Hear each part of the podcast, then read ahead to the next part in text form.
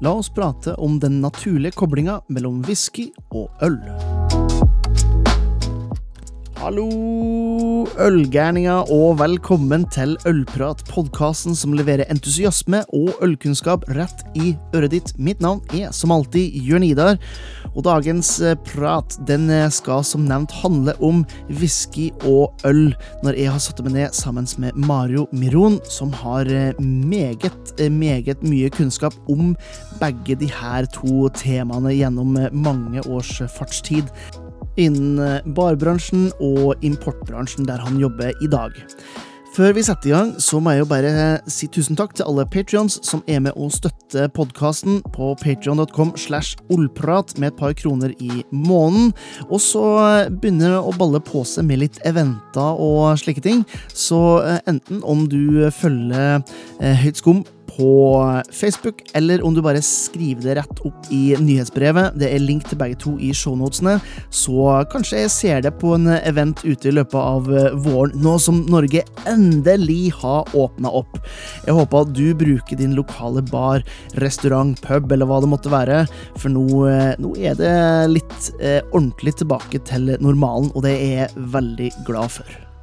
Nå tenker jeg det er nok snakk. Det er på tide å fylle kaffekoppen, eventuelt glasset, med noe høyt skummende, og lene det tilbake for denne episoden av Ølprat.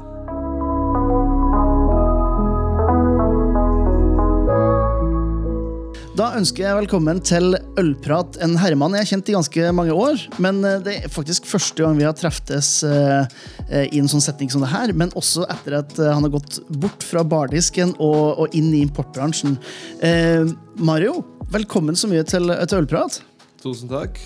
Ja, det er lenge, lenge siden vi, vi, kjenner hverandre. Ja, det har begynt å bli et, et, et par år. Da var det jo på Dr. Jekylls her i Oslo. Ja. Eh, men da tenker jeg at vi, vi, går litt sånn eh, Vi begynner litt for tidlig. hvis Vi, går, vi begynner der, sånn, så Kan du ikke bare si litt om, eh, om det, også din bakgrunn? For det er jo whisky og øl som vi skal snakke om i dag. Absolutt. Det, jeg kan begynne med min norske bakgrunn. Da. Jeg sier sånn, Det er åtte år siden når jeg flytta i Norge. Da fikk jeg jobbe på Dr. Jekylls i Oslo. Og da min første, første tanke når jeg kom inn i baret og har sett på hyllene og sett såpass mye whisky, og så wow. Eh, da fikk jeg jobben, da. Og jeg var knytta der for en uh, liten stund. Jeg lærte uh, veldig, veldig mye om uh, whisky der. Uh, men samtidig uh, lærte veldig mye om øl, mm. og spesielt kraftøl. Uh, Erfaringen før det var jo reising rundt uh, i Europa. Jobba i forskjellige land, både England og Frankrike og, og sånn. Men um, det var veldig um, det var en stor sjokk når jeg så den store Og det kom til helt i starten av altså, såkalt ølrevolusjon. Mm. Sier sånn craft-ølrevolusjon. Og uh, da fikk jeg på Jekylls alt, uh, alt, alt, en hel pakke med informasjon og data som uh, bare det kom inn, uh, det kom inn som en liten virus. Uh, sier sånn, uh, kanskje ikke det riktigste å si på disse ting, men det kom til inn som en virus i Oblad, og det er jo fortsetter med det hele tida. Mm, ja, for du er egentlig fra Romania? Yes. Ja. Og, og, det var ikke så mye whisky og øl før du kom til Norge, sånn som jeg forsto det på det? Nei, ikke helt. Det var bare litt Jeg jobba i restaurantbransjen de siste 15 årene pluss, mm. så det var jo bare minim, minimum uh, kunnskap og både whisky, øl, brennevin. Men uh, øl, uh, største ølerfaring jeg hadde i Frankrike, hvor jeg var litt mer fokusert på belgisk øl. da. Mm. utenfor Romania fokuserer jeg på veldig veldig enkelt. Det er jo pils, ja. og that's it. Og det er jo litt andre. Nå begynner jeg å merke litt at det begynner å ja. utvikle seg, og det kommer litt fine, gode øl mm. eh, som er tilgjengelig i Romania, sånn små bryggerier og etc. Men uh, ja, det var Frankrike og selvfølgelig England hvor jeg begynte mer. Men uh, for eksempel, uh, Norge var jo Jeg ble introdusert i Lambic i Norge. Ja. Uh, heavy stouts, barrel age, barley wines og hele det. Det var jo i Norge hvor jeg lærte alt det her om. Ja, ikke sant? Så, uh, og Dr. Jekylls er jo et fantastisk sted å, å, begynne. For de som ikke har, har vært det, så har det jo det har vel alltid vært et whiskysted. I hvert fall så lenge jeg har bodd her. Ja. Um, og så sneik det seg jo inn ganske mye øl etter hvert der også. Det er jo ikke så unaturlig, for at basen for både whisky og øl er jo på en måte det, samme. Det er, jo, det er jo kornet det går i. Stemmer. Eh, Malta bygg som er basert til uh, whisky, og spesielt singelmalt whisky, sier, sånn, da. Eh, Malta, Malta Big, forskjellige Malta Big man bruker i, uh, i whisky og i, i, øl også, men uh, det maltabygg som er jo basen til, uh, til whisky. Mm. Bruker, bruker, man uh, forskjellige Jeg liker å kategorisere Malta Big som vi bruker i whiskyindustri, eh, som røyka Malta Big, som pitted, eller urøyka Malta Big, som unpitted. Mm. Så når man gjør Malta Big, den maltingprosessen, når man tar uh, og setter opp i vann, la det være på en stort, flatt uh, gulv, og da begynner å spire. eh, når vi stopper den spireprosessen, det går opp i en stor ovning som vi kaller også kiln. og det er varmekilde. Mm. det er jo mest sannsynlig produsert av kull. Mm. Men i de første seks timer man kan bruke også torv. Ja. Og det som gir en røykesmaken til whisky etter hvert. Ja, og det er jo veldig sånn klassisk eh, region i, i, Skottland. Det, man tenker på det, da. Ja, eh, i utgangspunktet ja. Nå det er jo helt eh, bananas, på en måte. Eh, alt av Skottland som er jo eh, Alt av Skottland sine regioner, som er jo Speyside og Isla og, og Lowlands, Highlands og, og alle øyene og sånn, det var jo i starten det var delt i disse områdene. Det var jo skattrelatert. Mm. Etter hvert de, de det beholdt seg eh, på en grunn av det er karakteristisk på det området. Ja. Man får så spesielt Eila og Eiley, spørs hvem man snakker om. Eila det var jo sånn der hvor det mest røykavisket kommer fra. Men det, det gjelder ikke noe lenge.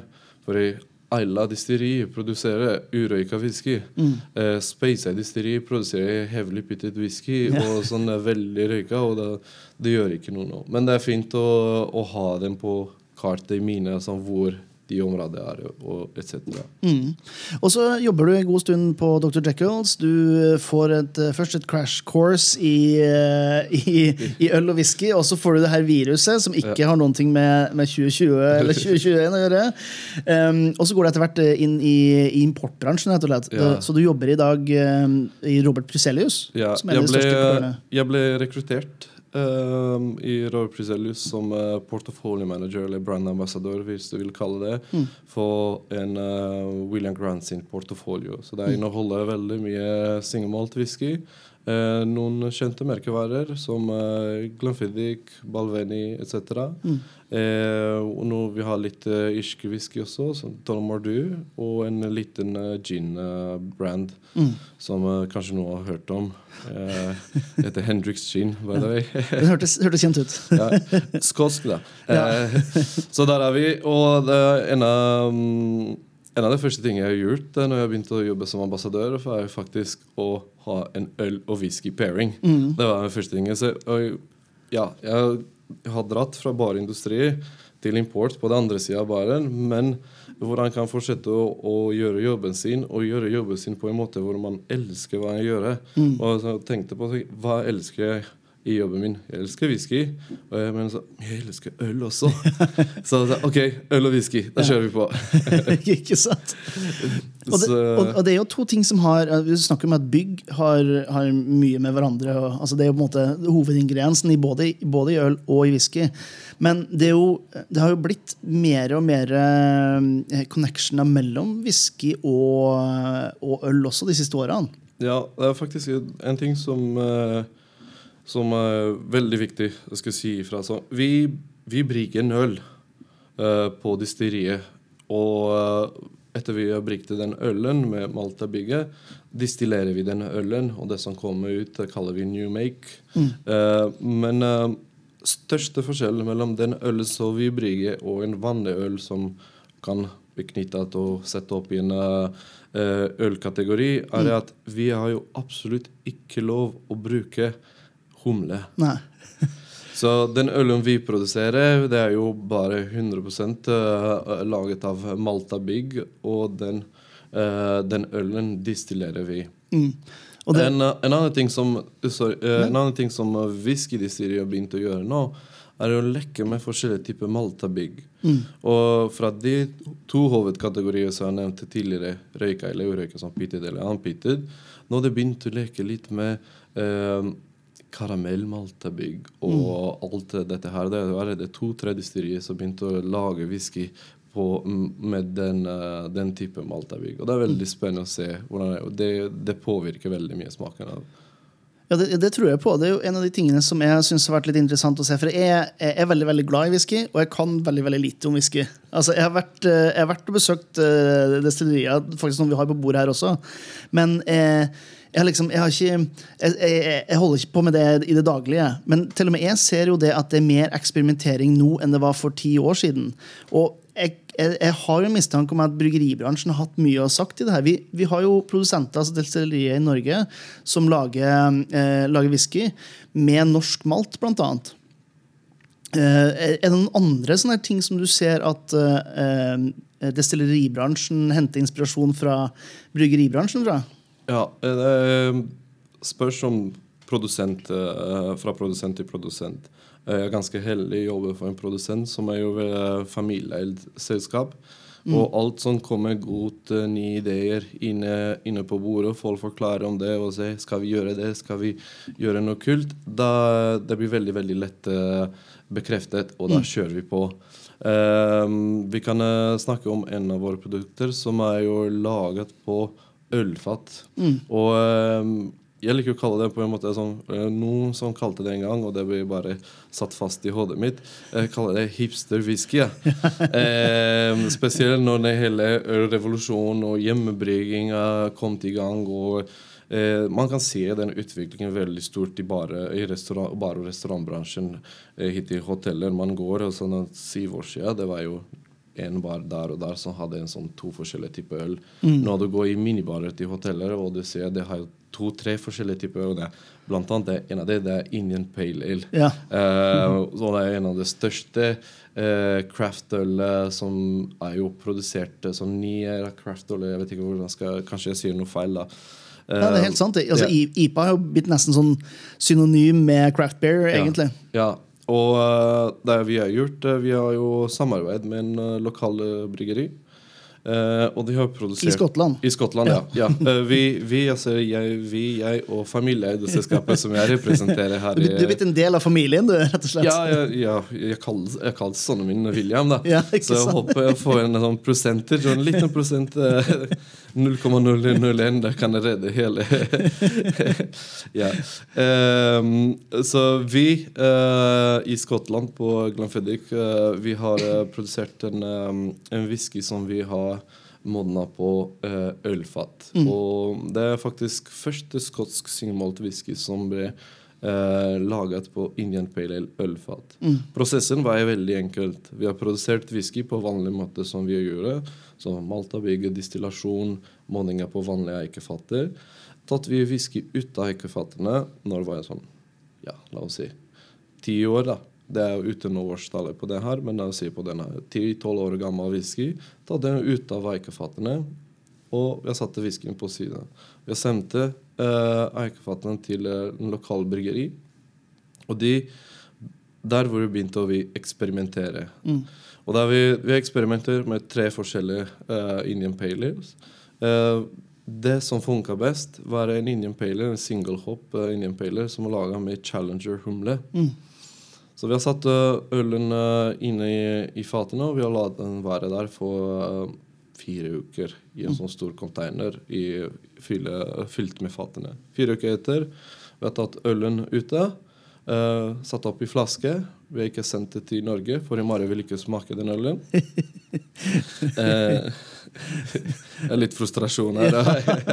jeg hørte det. Men, og da sendte vi den tomme fatene igjen til distilleriet, hvor vi har satt samme whisky for tre måneder til. Mm. Eh, prosessen, eh, Ikke den prosessen å sende frem og tilbake fatene. Prosessen å flytte en whisky fra en type fat til en annen type fat heter cask finish. Mm. Da gjør man det fordi han vil gi en ekstra smak og han vil balansere whisky eller få den, uh, den i her. Så Glenfiddich Indian Pale Ale er fortsatt en whisky. Uh, eneste vi ønsker å ha av den Indian Pale Ale, er jo Det er en ren beskrivelse av hva Indian Pale Ale er. Mm. En eh, fruktig, bitter øl. Veldig, eh, veldig juicy samtidig også. Mm. Så vi får en veldig stor preg, en annerledes preg av, appelsinzest, bitterhet uh, kommer inn. Men det er veldig fin søtte og juicy ettersmaken eh, på whiskyen selv. Og det syns jeg er veldig kult, for det jeg alltid anbefaler den whisky i, til bartender og sånn. Det er sånn, Har du det i baren, det er jo beste icebreaking uh, uh, point til en som kommer og vil ha en øl, og du skal anbefale en whisky. Vanligvis folk vil ikke ha whisky til øl. Nei. Det er ganske redde. Men whisky og øl, det, var, det er en ting som alle gjorde. Da går vi videre og forklarer litt mer om Irish whisky eh, og øl, The Boilermaker, um, ellers eh, A do and a brew, Ja. vi kaller det. Ja, for, at, eh, for det, det, det man har gjort med, med whisky før og øl, det har jo vært det at eh, eh, spesielt bourbon-fat har jo kommet fra USA. Også til på en måte craft beer-markedet. Og så har man lagra på det. Grunnen til, til at det er bourbon-fat er jo for at de lovpålagt ikke skal brukes mer enn én gang. Og nå er det litt mer, sånn som jeg har forstått. Eh, Men det betyr at det er jo en haug med fat eh, overs. Og det man har gjort, er at man har jo nesten utelukkende tatt eh, Imperial Stouts eller Barley Wines eller sånn her ordentlig sånn smaksintense eh, øl. Putta på fat, og så fått et fatpreg på det. Preg av det. Og, og da skulle man, man skulle nesten tro det at hvis man skulle lage en whisky med eh, la oss si ølsmak, da, i hermetegn, eh, så ville man ha gått den veien. Men her er det jo IPA som en helt annen helt annen finish. Ja, det, ja og det, er- det er mest av eh, sånn, du, du finner ganske mange øl som er laga på whiskyfat. Eh, whisky som ble laget på ølfat, er veldig få. Mm. Eh, Macmira, blant annet, eh, de har gjort det eh, med Eger, hvis Mm. du husker det. Hva heter Eggsbjørn og Ja, hva litt av det samme. Mm. Eh, men um, eikefattene det er veldig potente Mm. eh, i forhold til smak og aroma. I whiskyverdenen, de eikefattene som vi bruker mest brukte eikefatter, det er jo amerikanske eik. Ja. Og de kommer fra USA, fordi som du sagt, det er ikke lov å bruke de igjen og igjen. Så over 65-70% av farge, aroma, karakteren til whisky selv kommer fra hvilken type eikefat man bruker. Um, så der får vi amerikansk eikefat der får ekstremt mye vaniljesmak, får veldig fin grønn fruktighet og også litt tropikal aciditet, Uh, uh, fruktighet, og det er veldig, veldig fin sødme eh, på det her. Eh, en, kul, eh, en kul ting jeg skal nevne om våre eksperiment på, på Glenfiddich Indian Pale Ale, er at eh, når vi har satt inn ølen i eikefatten eh, Ølen var på 7 alkoholinnhold. Mm. Når vi har tatt ølen ute, ølen var på 9 Ja, såpass, ja. Så det sier jeg over fem liter vanligvis i hele eikefatens struktur. Eh, eh, Det er det på en måte inn inni treverket. I treverket, ja. Det er nesten eh, fem liters pluss av eh, liquid, da, så vi kaller det sånn, som kan trekkes inn og absorberes i uh, en eh, vanlig amerikansk eikefat, som er sånn 200 liter i størrelse. Så uh, det hele whisky som var inni her, det bare ble satt, uh, satt ut eh, og blanda seg litt med ølen. Og da selvfølgelig da absorberte han eh, litt av ølen, som da ga smaken til whisky etter hvert. Ikke eh, sant? så det, det er veldig veldig interessant å, å se på. Og jeg har fortsatt ikke smakt ølen. eh, eh, Jeg hører bitterheten i, i staven her. Det, det er lett å forstå. Um, skal jeg, snakke, jeg skal ikke snakke ned eh, briter, da, men de er jo ikke de mest eksperimentelle når det kommer til uh, sine drikkevaner. De er veldig glad i sine tradisjoner, og uh, akkurat den whiskyen vi snakker om nå, er jo et, er jo et eh, et eksperiment i, i seg sjøl. Men hvis da, eh, hvis de som lytter, de som hører på det her, da, skulle ha eh, prøvd å kombinere litt, eh, litt whisky og litt øl, har du noen, sånne, noen tips, noen triks til hvordan de kunne gjort det på en, eh, på en best mulig måte? ja, eh, faktisk. Og basen og ideen bak eh, basen jeg satt til whisky og øl pairing, så eh, var gin and tonic.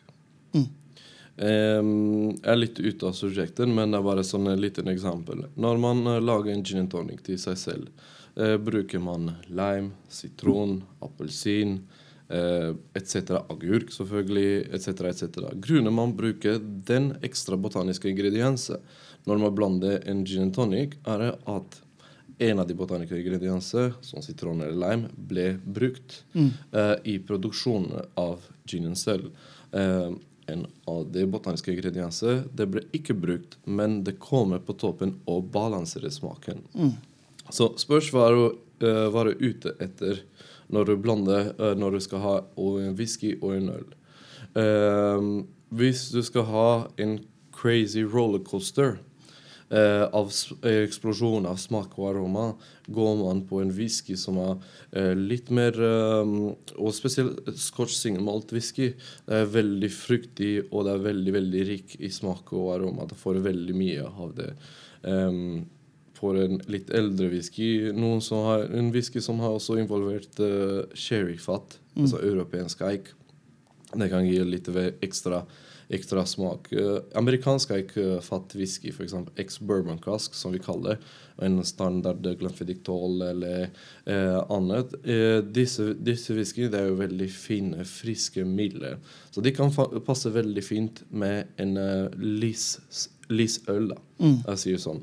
Eh, for en Injapelle og en Saison og eh, eh, noe. Belgisk øl kan funke veldig veldig godt uh, med en sånn ex-bourbon-fat eh, whisky. Så prøv å fokusere litt på å lese til å forstå først hvilken whisky du skal ha. Så har du en flaske whisky. Det er, whisky det er ikke en eh, Folk har ikke sånn stor utvalg whisky hjemme. Har en eller to flasker. Men den whisky som du har hjemme, tenk å, å forstå hvilken smak den whisky har. Eh, hvis du kan ikke lese på bokset, eh, ta og smake. Og når du smaker, prøv å, å, å forklare til deg selv hvor balansert den whisky har. Eh, hvor balansert er det mellom fruktighet og sødme. Eh, hvor eh, sterk ettersmaken er, og hvor lenge det holder. Eh, og hvilken smak og aroma du får inn. Får en sånn fin, grønn eh, grønne smaker. Grønne, jeg snakker om sånn grønn frukt, eple, pære, sitrus, ananas-stilen. Eh, da kan det gå veldig veldig lett på en sånn lisse, lissere øl. da, Litt lett. Indian Paler kan funke veldig bra.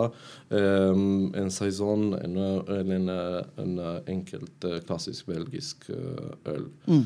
Så rett og slett prøv å finne match i intensiteten. I intensiteten, ja. Og så når man har gjort Og det, så prøver prøv å finne de smakene som, eh, som treffer hverandre, da, på en måte. Og da får du balanse. En annen viktig ting som vi gjør, alle gjør den største feil på, eh, spesielt når vi er ute og, og, og drikker i barer og restauranter etc., er at man får servert en, eh, en glass med sprit, altså whisky, eh, eller, og da man tar spriten først og ølen etter, til å dekke smaken. Vi, men det, det, det er ikke bra. Det er ikke godt. Det er så, det er Hvorfor fra, ikke det? For, fra nitt- altså 99% av min, av, av min egen erfaring 99% av øl- og whisky-pairing eh, Det er bare veldig veldig sjelden når jeg finner ut at eh, hvis man tar eh, ølen etter eh, har drukket whisky, det funker veldig bra. Ølen tar over hele whiskysmaken. Så begynn gjerne med ølen. Ta en sluk med ølen. Lukte, smak ølen. Ta en god sluk med ølen. Og etter hvert ta whisky. For da whiskysmaken og aromaen bare kommer og setter seg på toppen, og da får en sånn veldig veldig fin kombinasjon eh, etter hvert. Og der er jo det beste måte. Det er sånn, Hver eneste gang jeg gjorde det, det er sånn jeg sier, det er veldig veldig sjelden når ølen etter, whis eh, etter whisky funker veldig bra. Ja, for det, altså det er jo en av de tingene som jeg syns er fantastisk å bruke øl til. Det er jo også bruke den som sånn oppfriskende eh, for å skylle etter veldig fet mat og den typen ting. Men i dette tilfellet her så har det jo helt motsatt effekt, da, for du skyller bort de, eh, De hele- smakene som er fra, fra whiskyen. da. Absolutt. Så det er jo eh, Ja, man kan prøve begge, begge veier hjemme når du sitter hjemme og det gjør en egen uh, whisky, øl, eh, tasting, smaking, pairing med venner, kollegaer etc. Uh, prøve selv og finne ut hva du syns er best. Jeg syns selv, min egen uh, erfaring, er at uh, øl først, whisky etter.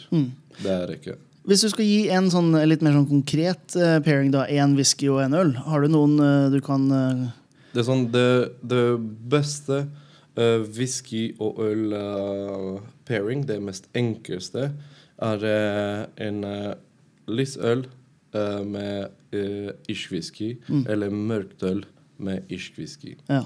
Irsk whisky i forhold til single malt whisky er litt mildere, litt rundere. Irsk whisky er jo mest sannsynligvis en blended whisky, en blanda forskjellige typer whisky som var produsert i Irland. Men irsk whisky er også trippeldistillert, noe av de. Og gjennom tredje distillasjon man man får ikke mer smak, man taper nesten smaken. Så whiskyen blir litt runere og mildere. Um, så det funker veldig, veldig bra. Uh, I barer er det så mest sannsynlig brunpuber og, og sånn. eh, da får man uh, veldig mange utenlandske som kommer i Norge. Og du, du sier de kan spørre for en, en øl og en whisky. Eh, whisky blir servert i en shotglass, det gjør ikke noe. Eller en rocks-glass, det gjør ikke noe hvilken glass blir servert i. Men han skjøtter ikke whiskyen. Han tar en slurk av ølen, han tar en slurk av whisky, sjekker Facebook-status, tar en slurk av ølet til og whisky. Det er sånn To-tre slukker i whiskyen er ferdig, og da har man halv øl igjen etter hvert. Eh, der, der man eh, gjør det. Og det er jo enkelste pairing. Uh, jeg er jo veldig, veldig glad i Staus. Jeg er veldig glad i lambic. Uh, Stille-ølen. Og fant noen veldig, veldig gode pairings på det også. Um, for eksempel en eks-sherryfat uh, whisky. Uh, som eks-europeisk uh, eikefat uh, whisky. Med en fin uh, kirsebær uh, lambic-stil. Sånn frukt... For liksom krik eller En krik, eller sånt. eh, ja, det er jo helt topp. En vanlig uh, gøse, det er jo eh, eh, Det funker veldig, veldig bra med det her. Det går, det går i motsatt uh, Spesielt med lambic, da. Det går i motsatt uh, fra uh, lyswhisky eh, Crazy Lambic, veldig fruktig. De balanserer seg veldig, veldig godt. Um, mørk stouts, det funker veldig, veldig bra med med, med, med lett, uh, lett whisky. Ja. En sånn ex-bourbon-fat. For da har den bitterheten som får spesielt i stouts, sjokolade, kaffe, smaken og alt denne um, licorice uh, noen ganger og etc. Men uh, og lyswhisky, det er bare gjøre den en helt reise gjennom, uh, gjennom smak, uh, smakopplevelse. De gjør en veldig, veldig smakopplevelse. Og uh, det beste, det beste, absolutt beste øl- og whisky-pairing er den som du liker mest. Og på en måte du finner det, det er jo til å bare begynne å eksperimentere eh, til deg selv. Eh, vi har gjort det lenge. Det har jobben jeg har gjort for oss. Jeg vet hva jeg liker og, og hvordan.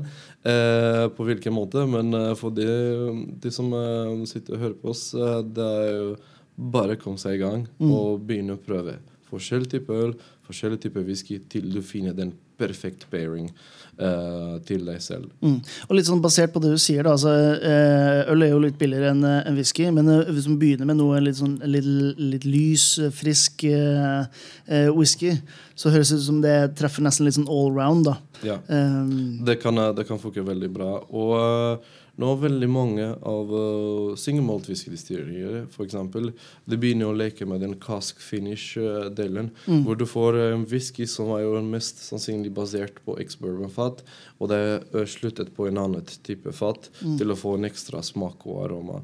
Eh, må tenke litt på hvem det er i huset også, eh, hvis man kjøper whisky. Så det, først og fremst, det, fin, det finnes uh, 20 centiliter flaske whisky. Eh, kanskje det er ikke noe promovering, men uh, vi har sånn 12-15-18-åringer på Glenfiddich på 20 centiliter som man kan kjøpe og, og ha det hjemme.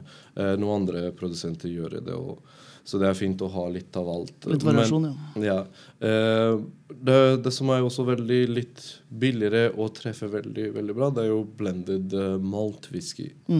Eh, blended malt whisky, irsk whisky, det er veldig lett å, å leke med. Single malt whisky, det er litt mer spesifikk. Ja. Litt mer struktur og personlighet. En single malt whisky som jeg syns er veldig vanskelig å finne en god pairing med, er eh, røyka single malt whisky, eller sånn pitted whisky. Ja. Det, det er veldig potent. Det er veldig sterke smaker.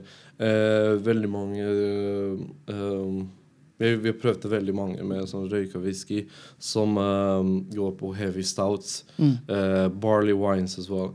Men det blir bare crazy. blir for mye. altså. Ja, det, det er mye, men det, det er ekstremt mye å gå igjennom til å forstå Ja. og, og finne ut det riktige balanse. For røyka whisky det er jo ekstremt potent uh, i, i smak. Og um, Og det tenker jo, altså Folk tenker jo ikke så mye på det, men, men røyka whisky er litt syrlig også. På samme måte som, som røyka øl, pga. at uh, syrestrukturen i uh, røyka malt er annerledes enn i, i vanlig malt. Så man får en helt annen munnfølelse bare der. er det jo en utfordring som eh, man, Det er kanskje ikke den første pairingen man begynner med. en eh, Nei, Lafroig og- nei, og stout. Uh, nei, sterk anbefalt uten noe av det. ja, Lafroig og Lagavulin er noe av det mest kjente røyka whisky i, uh, ja, i både, både verden, men i Norge òg. Um, sterk kan man ikke begynne med det her. Det finnes mye annet kult uh, tilgjengelig. eh, produsere, det er andre distillerier som begynte å produsere røyka whisky som er litt mildere. En godt introduksjon av røyka whisky. Vi har en, en uh, i vår portefølje som er fra en, eh, en mild røyka whisky som er laga på romfat. Fire and Cane. Det er jo greit å komme seg inn i røykeverdenen. Sånn det verste jeg, jeg vet, uh, er at uh, en som drikker whisky, går ut med vennen sin, og da uh, går i en bar, bestiller midt klokka to eller klokka tolv på natta to shots, eh, eller to, to glass med whisky, og det er heavily pitted whisky, veldig røyka. Uh, Vennen hans som drikker whisky iblant, kanskje irsk kaffe, bare. Uh, og uh, det neste ting er vennen hans som drikker, for det er jo gratis, gratis whisky. Da. Det alltid, all, alltid smaker bedre. Men det er neste ting han gjør når han våkner på morgenen, jeg sier aldri igjen. Nei, ikke sant? For da han Du kjenner, du kjenner røyksmaken fra ja, ja, ja, det kan være litt for mye. Det kan, det kan også være at det funker veldig bra, at folk liker. Mm. Men om man, man er ikke godt introdusert til det er vanskelig. Det gjelder litt det samme kanskje med øl. Mm. Sånn altså. sur øl. eh, Sånn, uh, heavy stouts og sånn, det er ikke farlig. Barley wines det er jo helt annet uh, nivå også. For. Ja. Men uh, lambic det er jo nå det begynner å bli mer populært. og sånn alt, alt som er sånn litt surøl og lokale produsenter og, og sånn. Men en god lambic, server en god lambic til en person som har ikke smakt den før. Det eller skal si 'jeg liker', eller det skal si 'jeg liker ikke'. Det er 50-50, eller ta et tid til Ja. å komme seg inn i. Ja, Det er ikke noe man hopper rett, eh, rett i, nei. Nei. Eh, litt sånn på tampen her, sånn eh, Har du noen sånne gode, eh, godt forslag til en, til en drink som involverer både whisky og, eh, og øl? Ja. Jeg spør jo fordi at du, eh, Jackal's var jo ikke bare sprit og, og øl. Det var òg eh, ganske solide drinker også. ja. Så eh, har du en, eh, har du en forslag Du, jeg, har- jeg har faktisk ikke helt forberedt, men jeg ne? har noe i top of the head. Uh, Whisky og øl basert i drinker, eller cocktails, Mm. eh, is the shit. Det er jo veldig, veldig, eh, veldig godt. Spesielt når man involverer eh, surøl. Mm. Fruktig surøl. Eh, det har jo litt litt samme effekter eh, som en eh, eh, Hva skal jeg si En, eh, en highball, da. Mm. En highball er jo en serve hvor man bruker whisky og sodavann på toppen. Men det er flavoring sodavann. Det har byttet seg med surølen. Um, en, eh, en favoritt som er laget ikke av helt whisky, det er laget av en whiskylikør som heter Drambui. Uh, det, det heter Hootenanny. Okay. uh, det, det er Drambui. Uh, det er jo uh, grapefruit-juice. Mm. Eh, og eh, litt, eh, litt sitron. Trenger ikke noe sukker. Drambui har nok sukker. Eh, bare blande den uh, i en glass og toppe opp med en uh, veldig fin Weissbier. Mm. Det er jo fantastisk. Da får alt av den godt uh, whiskysmaken. For Drambuie er jo sånn en whiskylikør som er laga med honning og krydder og urter. Så får du krydder, whisky, sødme. Du får en uh, friskhet fra eh, grapefruit juice. Og det får på toppen av alt en fin, thick banana-smak som du får fra, eh, Fra ja. Det er ekstremt godt. Og da kan man lage muge òg. Ja. eh, og da bare fylle i glassene etter Ja, ja. Det er veldig, veldig godt. Det høres ut som good times, det, altså. Ja, ja, absolutt. Det er jo noe av det beste whisky, uh, whisky øl, uh, cocktails uh, jeg vet. Mm. Men jeg bytta Jeg har eksperimentert veldig mye. Jeg bytta i, i vanlige whiskycocktails. Jeg bytta vermut med ølen. Mm. Jeg har tatt ut bitters, og da brukte jeg ølen i um, uh, I stedet av det. Det er sånn heavy hva tror jeg var, sånn, ja, En god, ordentlig 17 pluss uh, heavy stout. Uh, jeg bruker, bruker en to centiliter av det i stedet for å bruke en par dash med biter. Mm. Uh, jeg lagde lagt også en um, ja, Det var en kon konkurranse, en cocktailkonkurranse en dag, og, og da lagde jeg Var det gin? Jeg tror, ja, ja, det var gin. ja. Det var en uh, gin-cocktailkonkurranse når jeg var i baden, og der lagde jeg og um, um, Ja, det var gin, det var eplejus, uh, det var appelsinjuice, og da topper jeg opp med og Det er faktisk en øl som du pleide å, pleide å selge. Okay. Eh, Hitachino Hitachino Nest Whitetail? Ja, det var den som var litt Eller- uh. Uh, ginger ale, ja. Ginger ale, Ja. ja. Sånn ordentlig ginger ale. Ja, det var Hitachino White uh, Ginger. Det var, det var, Ja. så- ja. Og toppe opp med det her, det var jo veldig veldig godt. Ikke vant til konkurranse, men Mm. Nei, eh, det smakte- det smakte digg, drinken var godt. Altså. Ja, men Bra, Mario. Du, Før vi avslutter helt sånn eh, Jeg stiller et spørsmål til alle som, som er med.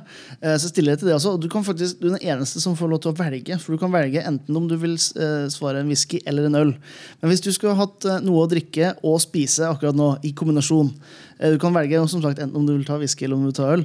Eh, hva, hva, ville du ha, hva ville du gått for i dag? Hvilken øl, hvilken whisky? Eller, Ne, må, ja, eller med mat, da. med mat, ja. Mm. Um, det var faktisk Jeg ville gå på pinnekjøtt. Mm. Uh, jeg ville ha en uh, juleøl.